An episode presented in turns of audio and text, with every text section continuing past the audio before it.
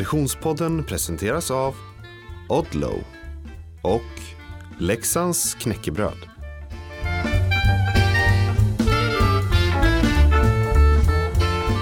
Hej och välkommen till Konditionspodden. Vi är framme vid avsnitt fyra denna tionde säsong och jag som pratar heter Frida Zetterström. Dagen till ära. Hej Niklas Axel. Hej Frida! Hur är läget? Ja men det här var kul. Det var kul. Det här var kul att få komma in i värmen lite. hur mår du? Ja men eh, bra. Ja. Ja, det är blandad sådär liksom eh, känslor nu. Det är ju så mycket Vasalopp i luften Ja. och eh, jag ska inte åka och samtidigt så vill man åka. Ja, du vet det är så här, men det är dubbelt. Ja, vi, kan ju, vi, vi börjar där då helt enkelt, att du, du, du har dumpat mig i spåren. Ja, Ja. Ja. ja. Frågor på det? ja, hur ska jag nu göra? ja. Ja, nej, men i, i år blev det ett mellanår kan man säga. Det, det hade ju varit kul och det går att göra så mycket med det här evenemanget, det Mm. här loppet. Och, eh, vi hade ju en diskussion, jag fick faktiskt en, en fråga från Mattias Svan om jag skulle kunna hoppat in och hjälpt deras tv-team för de hade en, eh, deras ordinarie fotograf skulle inte åka och det var, kändes ju spännande. Och då tänkte jag, "Uff, då måste jag ju nog träna lite till. Ja. Ja, sådär.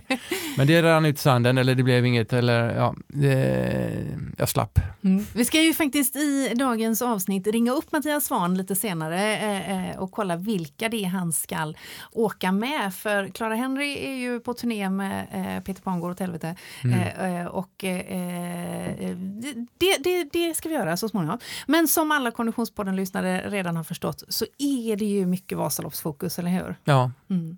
det går inte att komma undan det i den här tiden. Nej, det, det gör ju faktiskt inte det. Och eh, eh, för den uppmärksamma lyssnaren så noterar vi att det saknas en röst i studion. Va?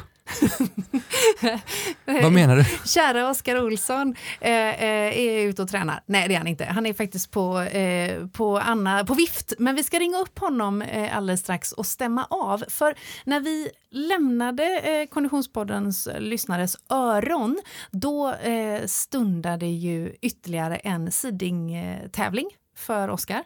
Eh, och vi ska såklart eh, få höra hur det gick i Orsa Grön- Grönklint där han eh, åkte i helgen. Men du var också åkte skidor förra veckan. Ja, utför. Ja. Ja, lite på tur, men, men eh, det har varit mycket fokus utför nu.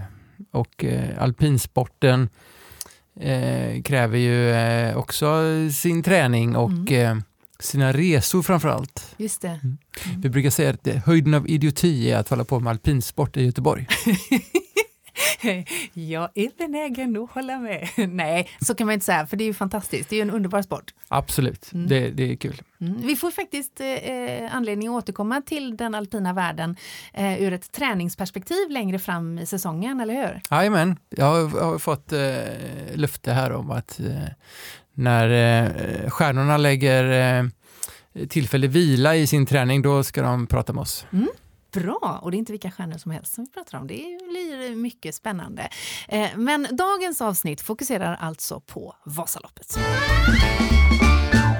Och vi är så himla glada att vi har med oss vår trogna poddpartner Odlow. Eh, både du och jag, vågar jag drista mig till, har levt i Odlow eh, i veckan som gick.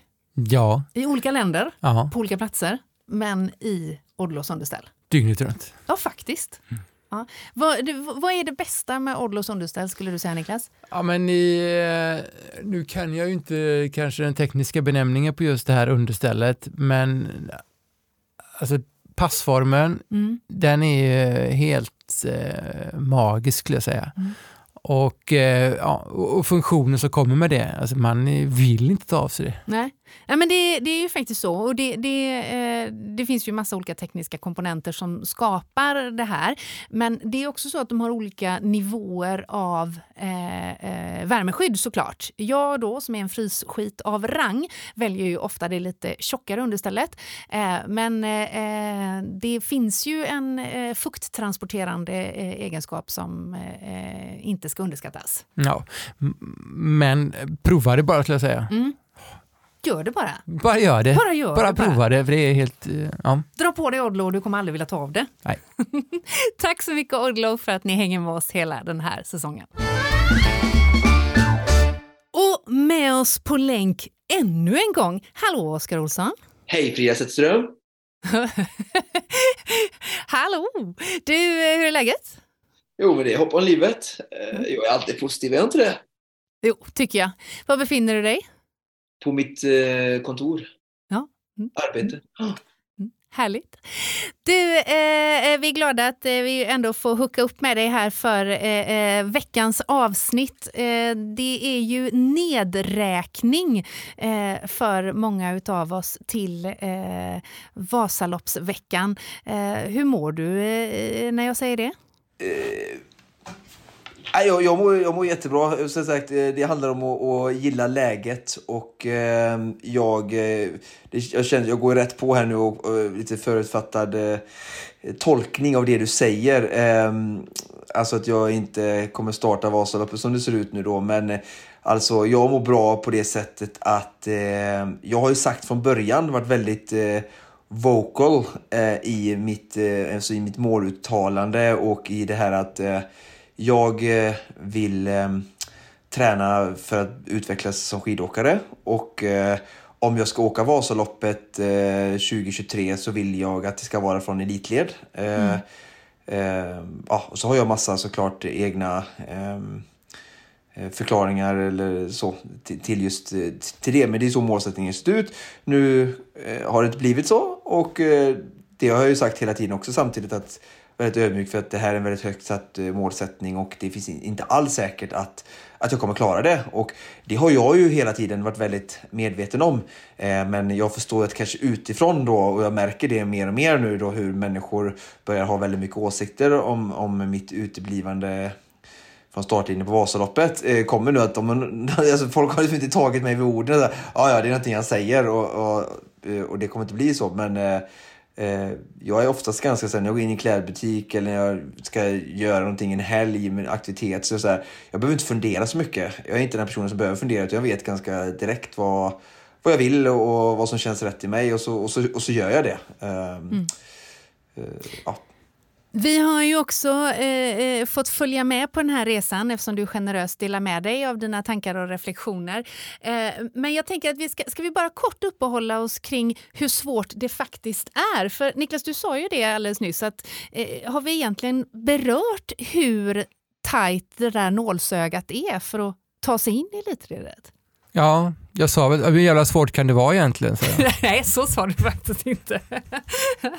men, men äh, skämt åsido, äh, äh, hur, hur, inte hur svårt är det, utan vad, vad är, liksom, hur många är det som, som når den där platsen? Ja, det är en bra fråga. Eh, alltså, det är ju... Alltså, jag tror förra året så var det ungefär, nu kan ingen hålla mig uh, accountable for this, uh, men jag tror det är en ganska bra gissning att runt 330 stycken startade Vasaloppet uh, i elitled förra året. Mm. Och då ska vi veta att då såklart att Visma Ski Classic, eller nu sa jag Visma, gav dem gratis reklam, Ski Classic som det var det heter i år har ju eh, x antal av de här platserna, eller de har ju i princip så många de vill ha. Mm. ehm, och eh, hur många är det då? Jo, det beror ju på hur många eh, teams som har köpt en eh, Ski Classic-licens, eh, som egentligen alla kan göra. Ehm, men det kostar ju en del pengar. Ehm, och så har de eh, x antal åkare i sina team eh, och de teamen får ju då såklart anmäla sig egentligen och bara starta. Så jag skulle ju tekniskt sett kunnat vara med i ett Ski Classic team och eh, haft en, en plats i elitidrott då som jag fått igenom mitt team då. Mm. Nu kan man ändå tänka att eh, både teamet och individen själv vill nog vara på en viss nivå för att ja, eh, så att jag, jag, tror, jag har inte sett i alla fall eh, det lilla jag har sett i, kommit in i skidsporten och, och hört mig för att det är inte så att folk tar någon bakväg in där att få elitled bara för att, alltså gå med i ett Ski Classic-lag bara för att få med i ett elitled. Eh, men med det sagt då så, så kan jag tänka mig att eh, säkert en eh, mellan 70 och 100 herrar. Eh, mm. Ski Classic-åkare som tillhör ett team då, som är direkt kvalificerade där. Och sen är det säkert en mellan 30 och 50 damer. Så att jag tror säkert det är minst en um, ungefär um, ja, mellan 120, 30 och 150 åkare som Ski Classic. Och sen då så har du ju um, då de som kommer topp 150 varje år. Mm. har ju en direktkvalificering eh, till eh, elitledet. Mm. Det måste ju vara en Eh, del dubbletter där såklart. Precis, så att då kan man tänka sig att eh, några av de här herrarna och damerna bryter eh, ju loppet. Så att alla de här Ski Classic-åkarna går inte före. Vissa går, gör ett dåligt lopp, så det kommer några från led 1 och eh, liksom folk som inte är, som är elitledsåkare såklart, som, eller många elitledsåkare som, som, som inte är med i ett Ski Classic-lag men som har kvalat sig in då under försäsongen eller från året innan, som, som är före dem. Men, så att, eh, men jag kan tänka mig, ja, de kanske det är 75 80 som är Ski Classic i, i mål kanske och sen brukar man se där någonstans från 70-75 så börjar de här uh, Erik Wikström lookalike höll jag på att säga med den nivån eh, trilla in i resultatlistorna och därefter snabbt kommer första dam och sen så har du ytterligare då upp till 150 så att säkert ungefär 75 stycken eh, skidåkare som är icke Ski Classic-åkare som då kvalar sig in på ehm, ehm, till nästa års elitled. Då. Så då har du 75 åkare plus de här då 120, 130, 150 som jag sa innan, uppe i 225. Så, och så släpper de kanske in då ett hundratal till då. Ehm, och mm, jag menar, förra året så hade vi till exempel som Simon Andersson och eh, Carl-Johan Westerberg eh, som är då de som känner till skidsporten, de som tävlat i landslaget i många år eh, och som då kanske inte längre är med i landslaget eller precis har då slutat ena säsongen och nästa år så går de, har en naturlig övergång då testar och, och, och göra bra i långlopp då liksom för att förlänga sin skidkarriär kanske och då och de körde ju för ett sponsrat lag liksom som inte var ett Ski Classic-lag och de är ju så pass bra att de kan nog i princip bara ringa upp Vasaloppet och säga jag startar elitidrott. Ja, självklart ska du göra det. Du har kört världscup i hela din karriär. Liksom. Eh, eh, och de har säkert kört några lopp innan. Jag vet att de har kört några lopp i år och då är de ju såklart alltid tillräckligt bra för att direkt kvala sig till elitidrott. Så att du har den typen av ehm, åkare som kommer också då. Eh, Och sen då ehm, andra duktiga eh, åkare tillsammans med mig då som Ja, jag kan säga att det är väl det kanske inte mellan 7500 som, som, som slåss kanske då utan de här andra jag har nämnt innan. Men Oskar, du kanske har varit inne på det här innan då, men hur stor är skillnaden då på att starta i elitledet och i startled 1? Ja, det är ju lite olika parametrar, men det är ju... Jag startade ju näst längst fram, typ. Jag tror det var andra skidpar förra året. Jag var näst längst fram. Eh, så det var bara en framför mig. Ehm, och... Eh, så vi stod ju väldigt nära elitledet. Det är en lucka däremellan. Ehm, det som jag ska säga är lite, också lite så att man blir väldigt störd av folk som är precis bakom dig. Så att ju längre, eh, lite längre fram du, du, fram du kommer, även om det är bara några liksom, rader på den här startrakan, så i den, eh, på den nivån skulle jag säga att det, det skiljer lite i att det blir mindre stressigt och mindre folk som kommer bakifrån ju längre fram du står. Det är liksom en aspekt. Ehm, och samtidigt att du är verkligen direkt kloss an. Alltså om du är i led 1 och har, räcker att du har, ja, som i mitt fall, och skulle kunna hamna i led 1 och ha en eller två rader framför mig. Ehm, så måste, det går liksom ingenstans att köra om dem. Så om vi planerar då att de som är framför mig kan mycket väl vara mycket sämre än mig. Eftersom att led 1 är en stor spridning av kapacitet. Det är, Jag har ju länge sedan jag kom in i sporten efterfrågat både på sidningslopp och även på Vasaloppet en mycket bättre sidning. Eh, bara för att, om vi börjar bara ta, jag åkte senast nu i, i Orsa eh, helgen som gick så, så var jag led 1 sida då. Jag har slått jättemånga av dem som stod i led 0 men jag har nu ingen då fiskgård. Jag har inte tyckt det var ett läge att skaffa det för jag är inte så bra.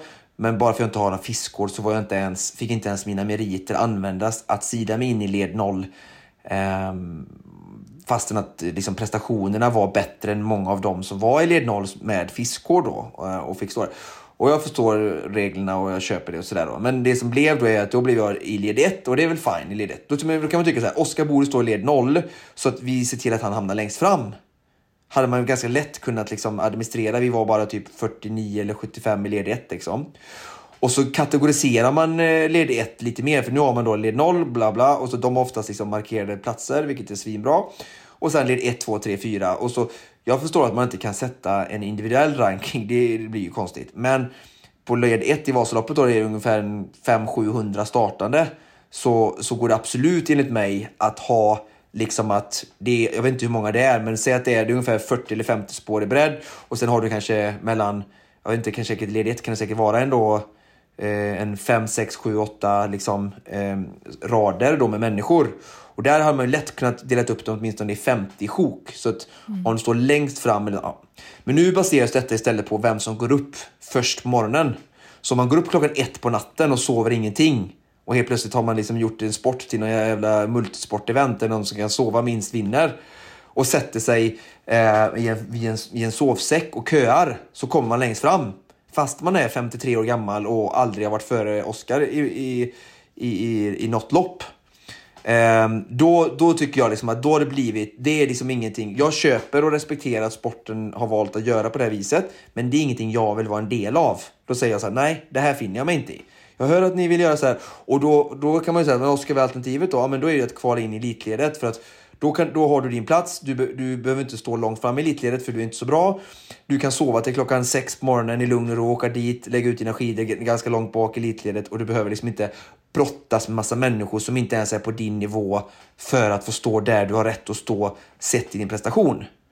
Så att jag vill inte vara en del av den cirkusen. Jag är, jag ser, jag är för bra, jag är för seriös i min satsning för att liksom ställa upp på sådana grejer. Och det är människor som har sagt att ja, men du kan sätta någon som, som står där åt dig på morgonen så du kan sova längre. Fast nej, det vill inte jag heller. För jag vill i så fall tävla mot dem i led 1 på samma premisser. Så när jag körde förra året så stod jag där i kön själv och frös.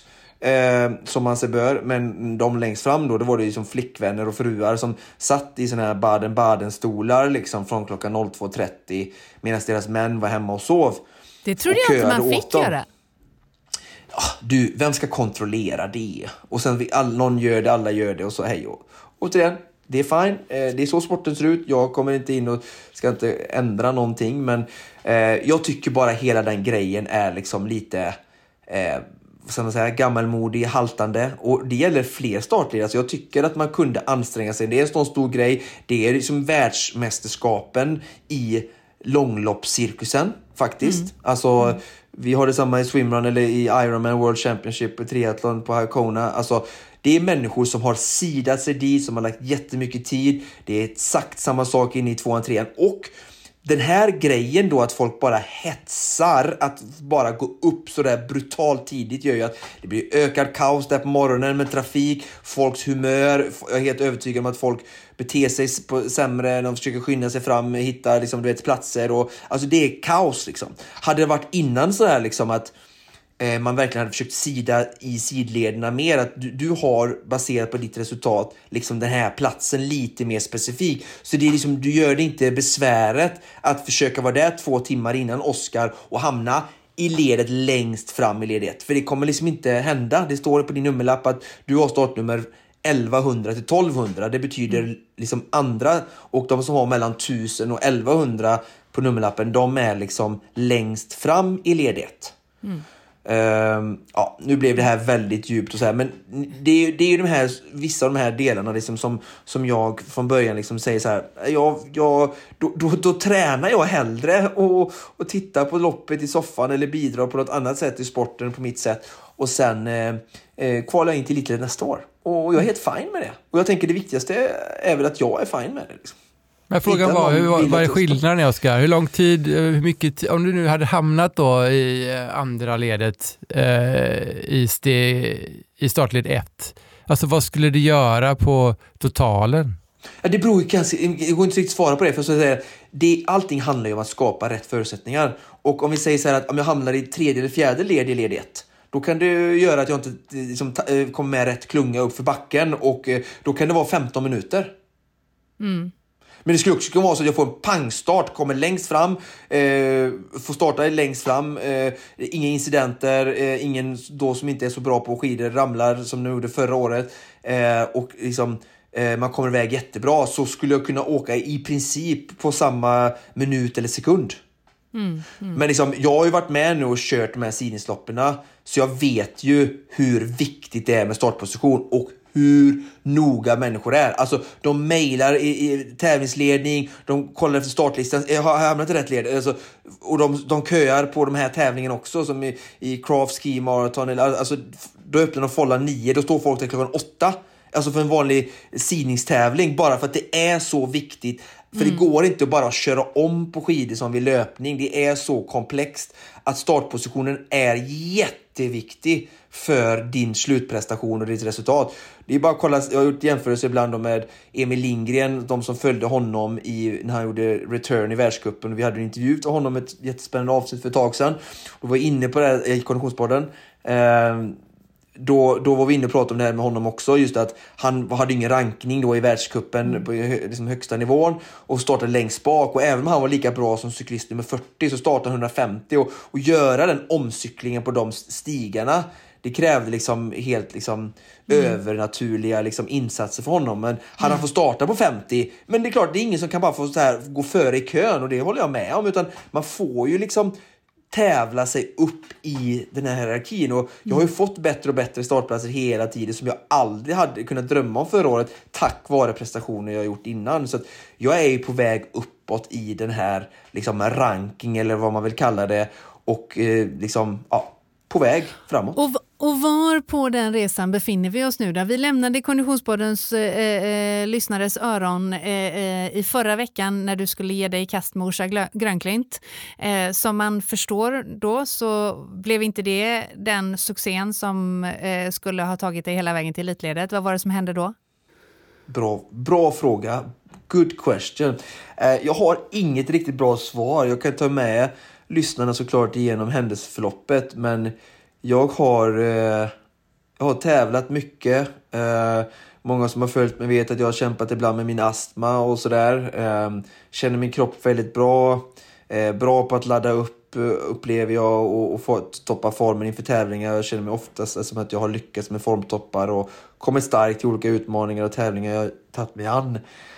Ehm, Åkte upp till Orsa eh, på fredagen eh, eftermiddag efter jobbet. Eh, kom upp till eh, Mora hotell, där ni känner till väl bra där.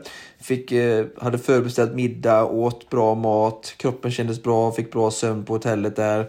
Åkte med mina vänner till, eh, till starten, kändes bra. Som sagt, värmde upp. Kroppen kändes sådär stark eh, muskulärt som gör att den är utvilad. Hade inga astmasymptom som jag hade dagen innan jag körde till exempel Billingen då som, som resulterade i ett mindre bra resultat. Eh, som kanske inte var då, då var så chockat eftersom jag hade sån problem med astman eh, två dagar innan och ja, det blev inte bättre på tävlingsdagen. Inga sådana eh, problem. Eh, jag känner direkt när min andning är påverkad då som astmatiker. Och kände ingenting sånt. Eh, Uppvärmningen kändes bra. Starten gick och det startade i en backe där de som såg korsa Grönklint lite var ju Ski Classic-tävling så vi åkte precis bakom eliten där. Eh, och eh, kände direkt i backen att jag var ganska muskulärt svag men la inte så mycket vikt vid det. Kom upp för backen, fortsätter köra. Känner så här att jag får slita väldigt mycket och jag ser ju direkt då människor runt omkring mig som jag brukar eh, vara före resultatlistan. Eh, försök tänka det lite längre lopp idag. Mm, eh, häng i, gör stark andra halva och så här, ja, men försöker ändå så här mentalt jobba med att hålla hoppet uppe eller liksom försöka bara göra det bästa av situationen på ett, på ett pragmatiskt sätt. Får inte upp pulsen, den är väldigt hög fast jag inte åker så fort och jag kan inte få upp den så mycket heller. Eh, fortsätter och det- mer och mer människor åker om och jag lägger mig bakom människor då i suget som jag också då, normalt sett alltid är, är före. Och vid åtta kilometer så bara kommer ytterligare någon och kör om och jag bara där, jag sliter för mycket. Det känns som jag är inne på sista kilometern av loppet men det har bara gått 8 av, av 50 och eh, har röd puls bara alltså, med att ligga väldigt långt bak i fältet och eh, ja, det, jag hittar ingen motivation att fortsätta. Alltså, jag, jag, på ett sätt i efterhand är jag väl lite kanske får vara, försöka vara stolt över mig själv att jag har brutit väldigt få lopp. Eh, jag sa att det är inget lopp jag har brutit men jag har blivit avburen eh, vid bår och sånt där efter mållinjen men min far gjorde mig uppmärksam att du bröt ju faktiskt Sancho Backa långlopp där löpning för typ tio år sedan när jag fick problem med mitt knä. Eh, och det hade han ju rätt i.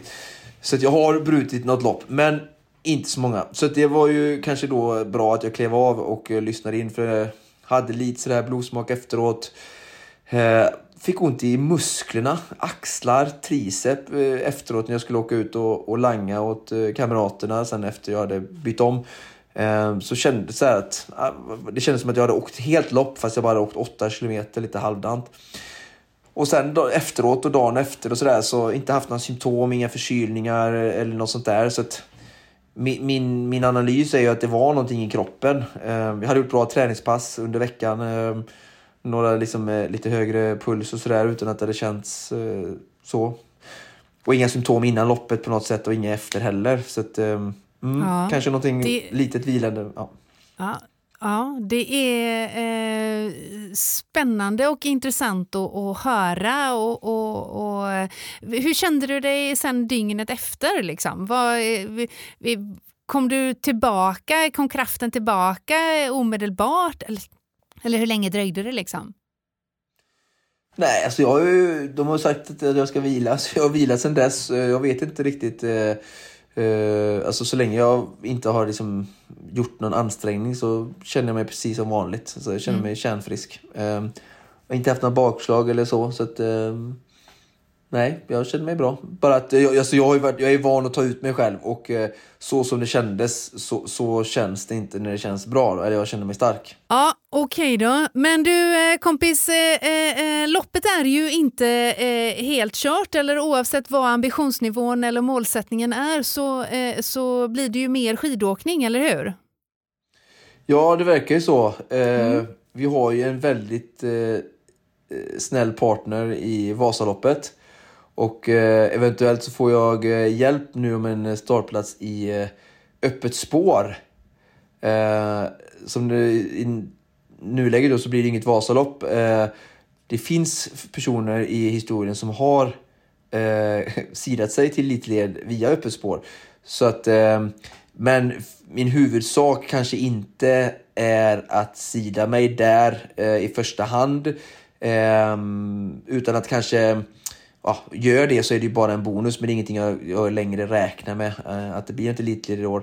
Men det skulle kunna ändå vara en, en trevlig tur. Det ser ut att bli bra väder och få, få åka Sälen-Mora, eh, vilket ändå såklart har varit ett eh, underliggande mål hela eh, säsongen och eh, ja, den här liksom personliga utmaningen jag har tagit mig an. Så att, att ändå få göra det i så fall under väldigt då, helt andra förhållanden och lite lugnare, vilket öppet spår är då när det inte är liksom Stora Vasaloppet lite mindre deltagare och lite mer stress, mindre stress vid start och sådär. Så, så skulle det vara kul att, att ändå få, få genomföra eh, distansen och det blir ju en, en, bra träning och framförallt en lärdom. Alltså att träna på den banan där någonstans det är ändå liksom kulmen och det, ja, det är ändå det elitledet till den banan jag tränar inför. Så att, att få åka mellan Sälen och Mora och alla kontroller och, och, och, som ett, ett bra genrep. Och jag har inte åkt där så många gånger på, på det här sättet. Så att, eh. mm. Härligt! Vi kommer såklart att, följa dig eh, eh, och eh, låta Konditionspoddens lyssnare följa med. Jag vet att du Med drönare har... kanske? Med drönare kanske jag har. ja. Ja. Går det Who flyga knows? från Göteborg? Who knows? Och Frida, hur, vi har precis proklamerat eh, om att jag inte ska starta i Vasaloppet 2023. Har du kommit till ditt beslut än? Nej, jag har väl inte riktigt det ännu måste jag säga. Men eh, eh jag känner mig, liksom, jag blir lite dumpad höger och vänster här i, i, eh, i, i sällskap. Men kanske är det så att det öppnar upp för sällskap då eh, i, i, form av eh, Oskar Olsson. Nej, jag vet inte. Jag tror att det blir så. Jag vill väldigt gärna åka faktiskt. Eh, så det är bara ja. att göra då. Eh, jag är mest orolig för att få fäste på mina skidor i klassisk diagonalåkning. Det är det som skrämmer mig mest.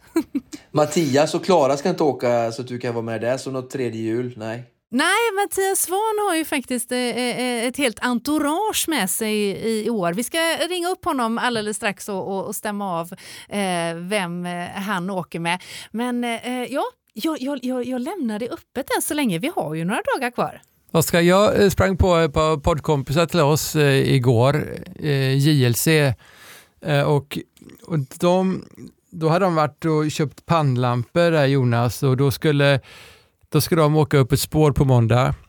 Och då har de ju då så, såklart en eh, utmaning att de har aldrig stått på ett par skidor förut och så ska de se hur långt de kommer. Så jag föreslog Frida att hon skulle åka med dem då, men... Eh, Hon tyckte inte det var lika lockande. Nej, jag har ju ändå gjort det här några gånger nu. Ja. Men Ja, det är klart. Måste, Frida ju- vi måste ändå eh, bara höra expertens eh, tips här. Tror du de klarar det? Kan man ta sig nio mil på skidor om man aldrig har stått på ett par längdskidor innan? Nej, det tror jag inte. Nej. Nej. Det blir kul att se. Det här blir spännande att se. Det, det man ska säga, börja med att säga är ju att och frågan är ju vad det blir för före. Eh, Det är ju en väldigt stor grej. Och sen är det ju också frågan om eh, hur deras fysisk kapacitet är. Alltså är de inte sådär jättetränade och kanske tränar max en, två gånger i veckan så, så ser det väldigt svårt att klara reptiderna.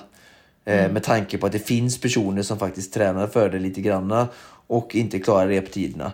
Ehm, Så mycket möjligt att man med sin ungdomlighet som de har och lite träningsbakgrund kan ta sig till Evertsberg. Men, men sen, eh, jag tror att eh, de kommer inte komma ner för backarna. De kommer få ta av sig skidorna eller ramla åtminstone några gånger. Och då tappar du väldigt mycket tid liksom, när du bygger upp fart i nedförsbacke. Och, alltså nedförsbackarna är ju väldigt eh, eh, bra tidseffektiva. Du tar ju dig framåt då eh, ganska bra. Eh, Men då gäller det att du kan åka ner för backarna också. Men du Oskar, det är ju eh, eh onekligen så att eh, eh, både det här äventyret eh, eh, och många andra väcker stort engagemang bland våra kära poddlyssnare. Vi är så himla glada för eh, all dialog som vi ändå får ha med er där ute. Vi fick ett väldigt fint meddelande alldeles nyss. Ja, eh, jag skrev det till dig att eh, äntligen någon som förstår mig av alla dessa tyckare där ute runt omkring. Mm. Du får eh, berätta, vem, eh, vem är det som har hört av sig? Eh, han heter så mycket som Rickard, ja, Uske. Tack får jag säga först, Rickard, för ditt fina meddelande. Ja, för Rickard eh, skriver ju eh, här att han, han identifierar sig mycket i det du eh, beskriver. Ja, precis. Jajamän. Eh, han, han menar på att han är i samma eh, läge fast i ett startled längre bak då. Eh, antagligen då mellan tvåan och ettan. Eh, Och tycker att han beskriver, eller han beskriver situationen i jämförelse med ett börsnoterat aktiebolag och ja, marknadens förväntningar på vinst och så vidare. Mm. Just det. Ja, men det, det var eh, eh lite grann som en... Eh, eh, han spann vidare på dina eh, filosofiska resonemang i, i förra veckan helt enkelt. Och det är väldigt kul när ni gör det, eh, eh kära Konditionspodden-lyssnare. Eh, vi tar ju gladeligen emot både ris och ros. Eh, ni når ju oss som vanligt bäst på eh, sociala medier såklart. Men okej, Oskar. Vi, eh, vi följer eh, utvecklingen med tillförsikt. Ja, hoppas det kan inspirera någon och lära någon något. Mm. Det är klart att det kan. Nu ska vi ringa upp till Vasaloppet. Och då säger vi hej och välkommen till Konditionspodden till en eh, vid det här laget kär gammal vän kallar vi ändå eventchefen för Vasaloppet Johan Rydén. Hur är läget Johan? Jo, men det är så bra som det kan vara i början vecka åtta. Det är fantastiskt. och jag vet ju dessutom att du precis har varit ute och sprungit på lunchen. Ja, det gäller ju och som jag sa i vårt samtal här tidigare. Vi, vi har ju visionen att vi ska vara motorn för svensk folkhälsa. Då gäller det att leva den visionen så gott det går. Ja. Ja, det är inte dåligt. Mycket bra. Men du, Johan, eh, eh, hur mår du? Hur, hur mår Vasaloppsorganisationen så här eh, dagarna innan det drar igång? Jo, men vi, vi mår bra. Vi har väl haft två tuffa år som hela eh, motions-Sverige har haft. Eh, eller ja, alla, alla svenskar haft i stort sett och, och slitit hårt. Och, och nu står vi här äntligen för ett arrangemang med eh, så normala förutsättningar som vi kan ha. Och Ja. eh, jättefint med snö i terrängen. Det är en bra väderprognos. Så att det, det känns lite som att vi är tillbaka någonstans förutsättningsmässigt där vi var innan pandemin bröt ut 2020. Mm. Det känns ju faktiskt som att vädergudarna har liksom förbarmat sig över eh, Vasaloppsarenan för en gångs skull, eller hur? Ja, 2022 var det, då tror jag att vi hade sol samtliga dagar och kallsnö och jättefint och det ser ut som att det finns förutsättningar att, att vi får något liknande det här året också. Sen historiskt sett så vet vi att Vasaloppssöndagen, det brukar ju alltid ställa till lite vädermässigt. ja, det är en del av utmaningen så att säga. Men du, sist vi eh, pratade med Vasaloppsorganisationen eh, från Konditionspoddens sida så hade ju den här eh, hemska branden inträffat och eh, ni jobbade med upprustningen av det som gick förlorat. Vad, vad är status eh, eh på den delen? Ja, men det är ju sådana här situationer som vi märker vilket otroligt stort engagemang det finns, både lokalt, regionalt, men även i, i, i Sverige och även ute i, i andra lopp som vi har i världen också. Så att det har gått det har gått jättebra. Vi är på banan med allting som vi behöver inför vintern. Eh, vi saknar ingenting. Jag är helt säker på att ingen deltagare kommer märka av att det är på annorlunda. Kanske att det är lite fräschare och lite nyare allting nu så att vi har fått eh, ja, men supersupport för, för människor runt omkring som har som har verkligen tagit tillbaka oss till, eh, till där vi var innan branden också. Så det, mm. det, vi, vi, vi, känner oss trygga och säkra på att vi har det som vi behöver ha i de yttre förutsättningarna. Det händer ju något väldigt fint med gemenskapen kring något så anrikt som Vasaloppet när, när det verkligen behövs, eller hur? När folk sluter upp. Jo, men visst är det så. Det, det märker man ju nära oss också. Så har vi många som har varit, men, har säkert en 70-årig historia tillsammans med Vasaloppet sedan de själva var små och varit med. Och de, samlas ju tillsammans med oss och har eh, ja, men nästan klivit in som en tomteverkstad och byggt eh, flera tusen meter nya röda staket som brann upp och det beställs och vi har fått nya lokaler och det, ja, men det, det, det, är häftigt att det på så kort tid, för det var inte så länge sedan det hände. Nej. Eh, Vasaloppets vintervecka består ju av mycket mer än, än enkom det eh, välkända Vasaloppet första söndagen i mars. Det är ju närmare bestämt 30 17 olika lopp, eller hur? Vad, vad, berätta, hur ser anmälningsfrekvensen ut eh, för de här olika loppen? Det taktar på ganska bra. Vi har ju upplevt eh, redan innan pandemin att det var ett senare anmälningsbeteende och det är även i år och vi jag tror att vi inom närmsta dagarna passerar 50 000 deltagare och det, i år är det så här varma anmälningar. Förra året hade vi väldigt många flyttade från tidigare år. Så att det var en prognos vi satte ganska tidigt att når vi 50 000 så är det bra. Sen är det det som går bäst just nu, förutom Vasaloppet som varit fulltecknat i veckan, det är ju öppet spår söndag, många deltagare, men det bör också fylla på öppet spår måndag. Vi, även de kortare loppen som inte är korta, men de som är 30-45 är eh, bra också. Och redan nu på lördag har vi vår första tävling som är Tjejvasen och där får vi ett spännande startfält. Så det är jättekul. Åh, vad roligt. Eh, och, och, när vi ändå pratar om Tjejvasan, vi har ju haft eh, eh Vasan för Margit eh, med här i Konditionspodden och eh, eh jag tränar så ofta jag kan med 103-lappen på armen. Eh, va, va, hur ser det ut med eh, kvinnliga deltagare? Händer det någonting? Blir vi fler? ni, ni blir fler procentuellt sett, så det är jättekul. Det ser att vi Ja, men det, det, finns en trend som visar på att vi får fler kvinnor och det är nog mycket tack vare eh, ja, men lite så här undergroundgrupper som skapas och vill skapa förutsättningar för att få fler kvinnor i lopp. Sen är det på Vasaloppet så når vi just upp nu till 18,6 procent och där har vi tidigare legat på 17. Men för någon månad sedan så var vi uppe nästan närmare 20 procent. Men det är fler män som är lite sena in och anmäler sig nu så att det påverkar procenten. Men jag tror att vi ligger någonstans runt 35-36 procent på hela Vasaloppsveckan så det är ju... Bra! Det är bra. Ja. finns ju en kvinnlig programledare för Konditionspodden som skulle kunna hjälpa till att öka på den där statistiken om det hela vill sig väl. Ja, men vad roligt Johan. Men du, eh, vad ser du själv mest fram emot här nu då inför eh, vinterveckan?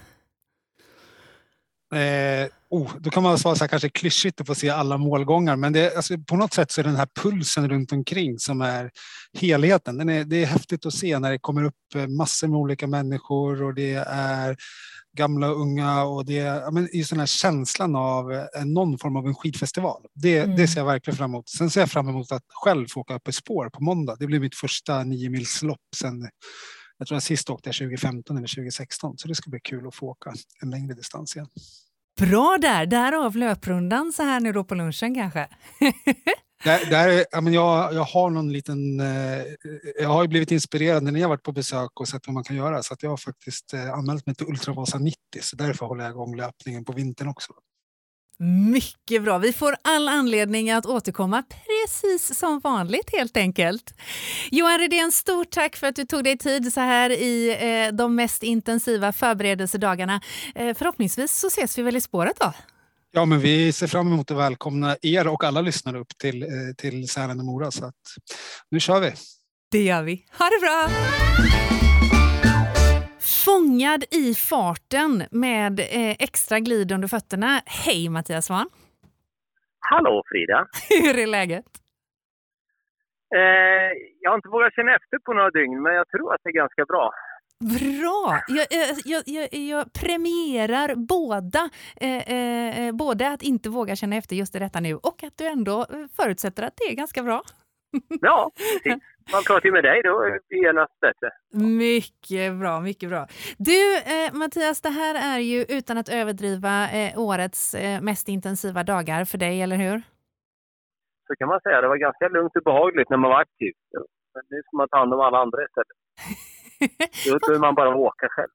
Vad gör du hela dagarna nu för tiden, Mattias? Ja, vad gör jag? Ja, ja, vad gör man? Sätta sig in i... Ja, löser andra människors problem, tror jag man kan sammanfatta det med. Det är alltid från skidvallning till drickaservice till eh, skidtekniska, vad jag ska ha för skidval till Vasaloppet. Och, ja, det är mina sportshop och min service och drickaservice som upptar tiden, tror jag. Mm. För, för du har ju ändå, eh, får man väl säga, eh, utökat din business eh, inför den här vintern. Ja, jag brukar säga att jag var sjuk den dagen i skolan man skulle lära sig att säga nej. Så jag tror att eh, jag fick en fråga om jag skulle ta över en sportshop i höstas. Så det kom lite snabbt på. För jag hade redan en sen tio månader tillbaka. Så det blev det en till. Och det blev inte mindre att göra. Så nu har jag inte förminskat min övriga verksamhet med skidläger och lite SVT-uppdrag och lite... Ja, så det, det, blev en grej till kände jag. Ja. Är det roligt? Det är roligt. Men eh, man kanske inte ska hålla på så här för länge. Så det är skönt att det är en, eh, en slut på vintern ibland, men det är roligt när det är. Ha det på. ja.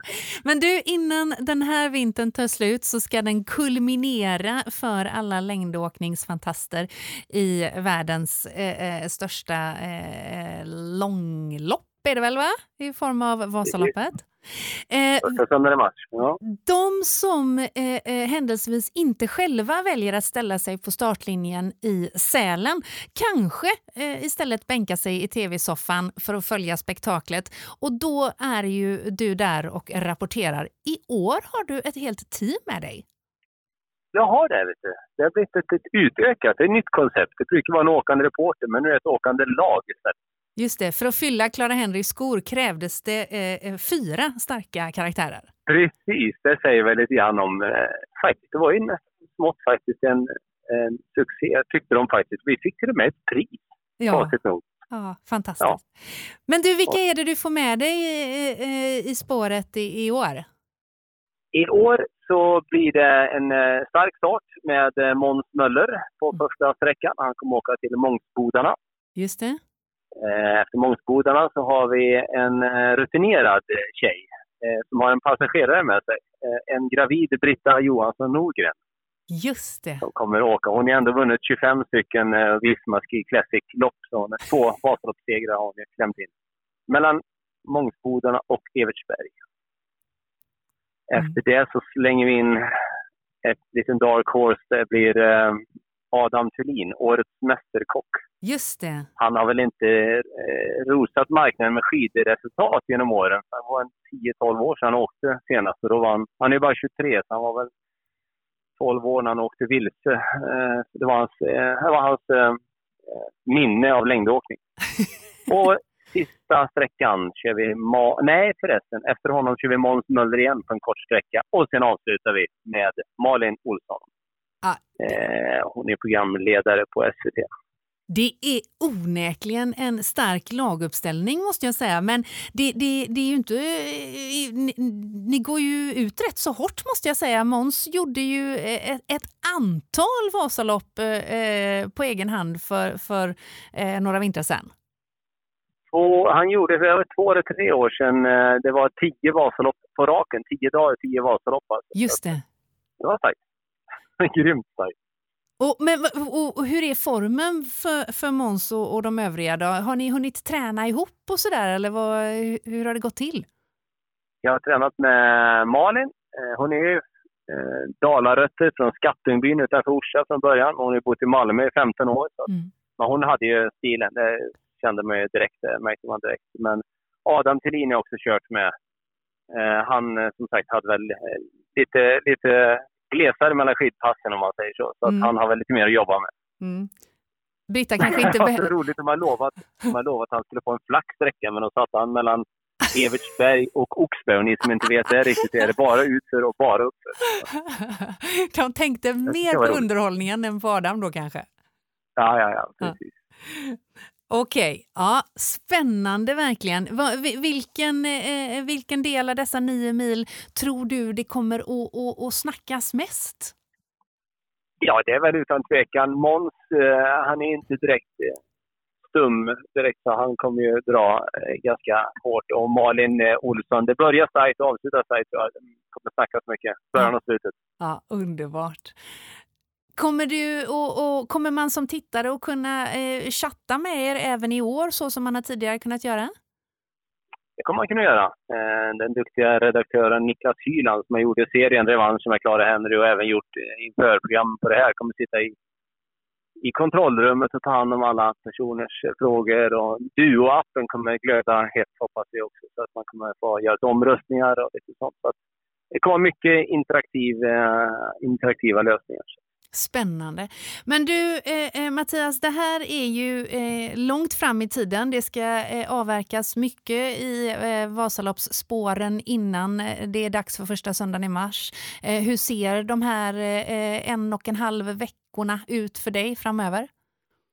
Ja, nu är det första helgen är tuffast som vi brukar säga. För då börjar med Vasaloppet 30 på fredag med Tjejvasan på lördag som också är 30 kilometer. Sen så är det ju två stycken öppna spår söndag, måndag och sen så avslutar den eh, eh, slutklämmen på veckan blir måndagen där då, eller tisdagen rättare sagt, då eh, Vasaloppet 45 avgörs. Så det är fem stycken lopp där. Det är en tuff vecka. Ja, Tuff långhelg. Mm, det är härligt. Vi eh, pratade eh, precis innan eh, vi fick möjlighet att ringa upp dig här med eh, Johan Rudén, eventchef på Vasaloppet, eh, som eh, lovprisade snöläget. Visst är det så att det ser riktigt fint ut i spåren? Ja, det är otroligt fint. Eh, Så bra förutsättningar har nog inte varit på ett tag. Så det är jättefint. Det har varit, varit lite mildväder så snön har satt sig och sen så har det kommit nysnö efter det och ska snöa lite grann imorgon också. Men eh, vi vill ju helst inte ha så mycket snö när själva loppen är och det verkar faktiskt hålla upp mot helgen. Så, så, att, eh, så det blir bra. Så, fin och fräsch eh, snö och ganska någorlunda kallt. Så det blir nog bra. Härligt. Eh, Johan hade varit ute och kört en löprunda på lunchen eh, inför sin egen start i, i, i Öppet spår. Eh, hur mycket egen träning hinner Mattias Svahn med? Eh, nu lever man inte riktigt som man lär. Nu är det inte så mycket egen träning. Men det, det kommer tas upp efter. Nu försöker man eh, mest att lösa alla grejer. Ja. Att, eh, ja, det är lite mindre nu. Ja, det är bra. Eh, Du, du lever å andra sidan väl på gamla meriter, eh, vågar jag tro. Så att eh, vi säger precis som vanligt eh, eh, lycka till och eh, hoppas att vi ses i spåren. Stort tack. Härligt. Vi syns. ja, det gör vi. Hej då Mattias! Hej då! Och det här, kära Konditionspodden-lyssnare, var allt vi hade att bjuda på för den här veckan. Precis som vanligt produceras Konditionspodden av Fredag. Connect Brands with People.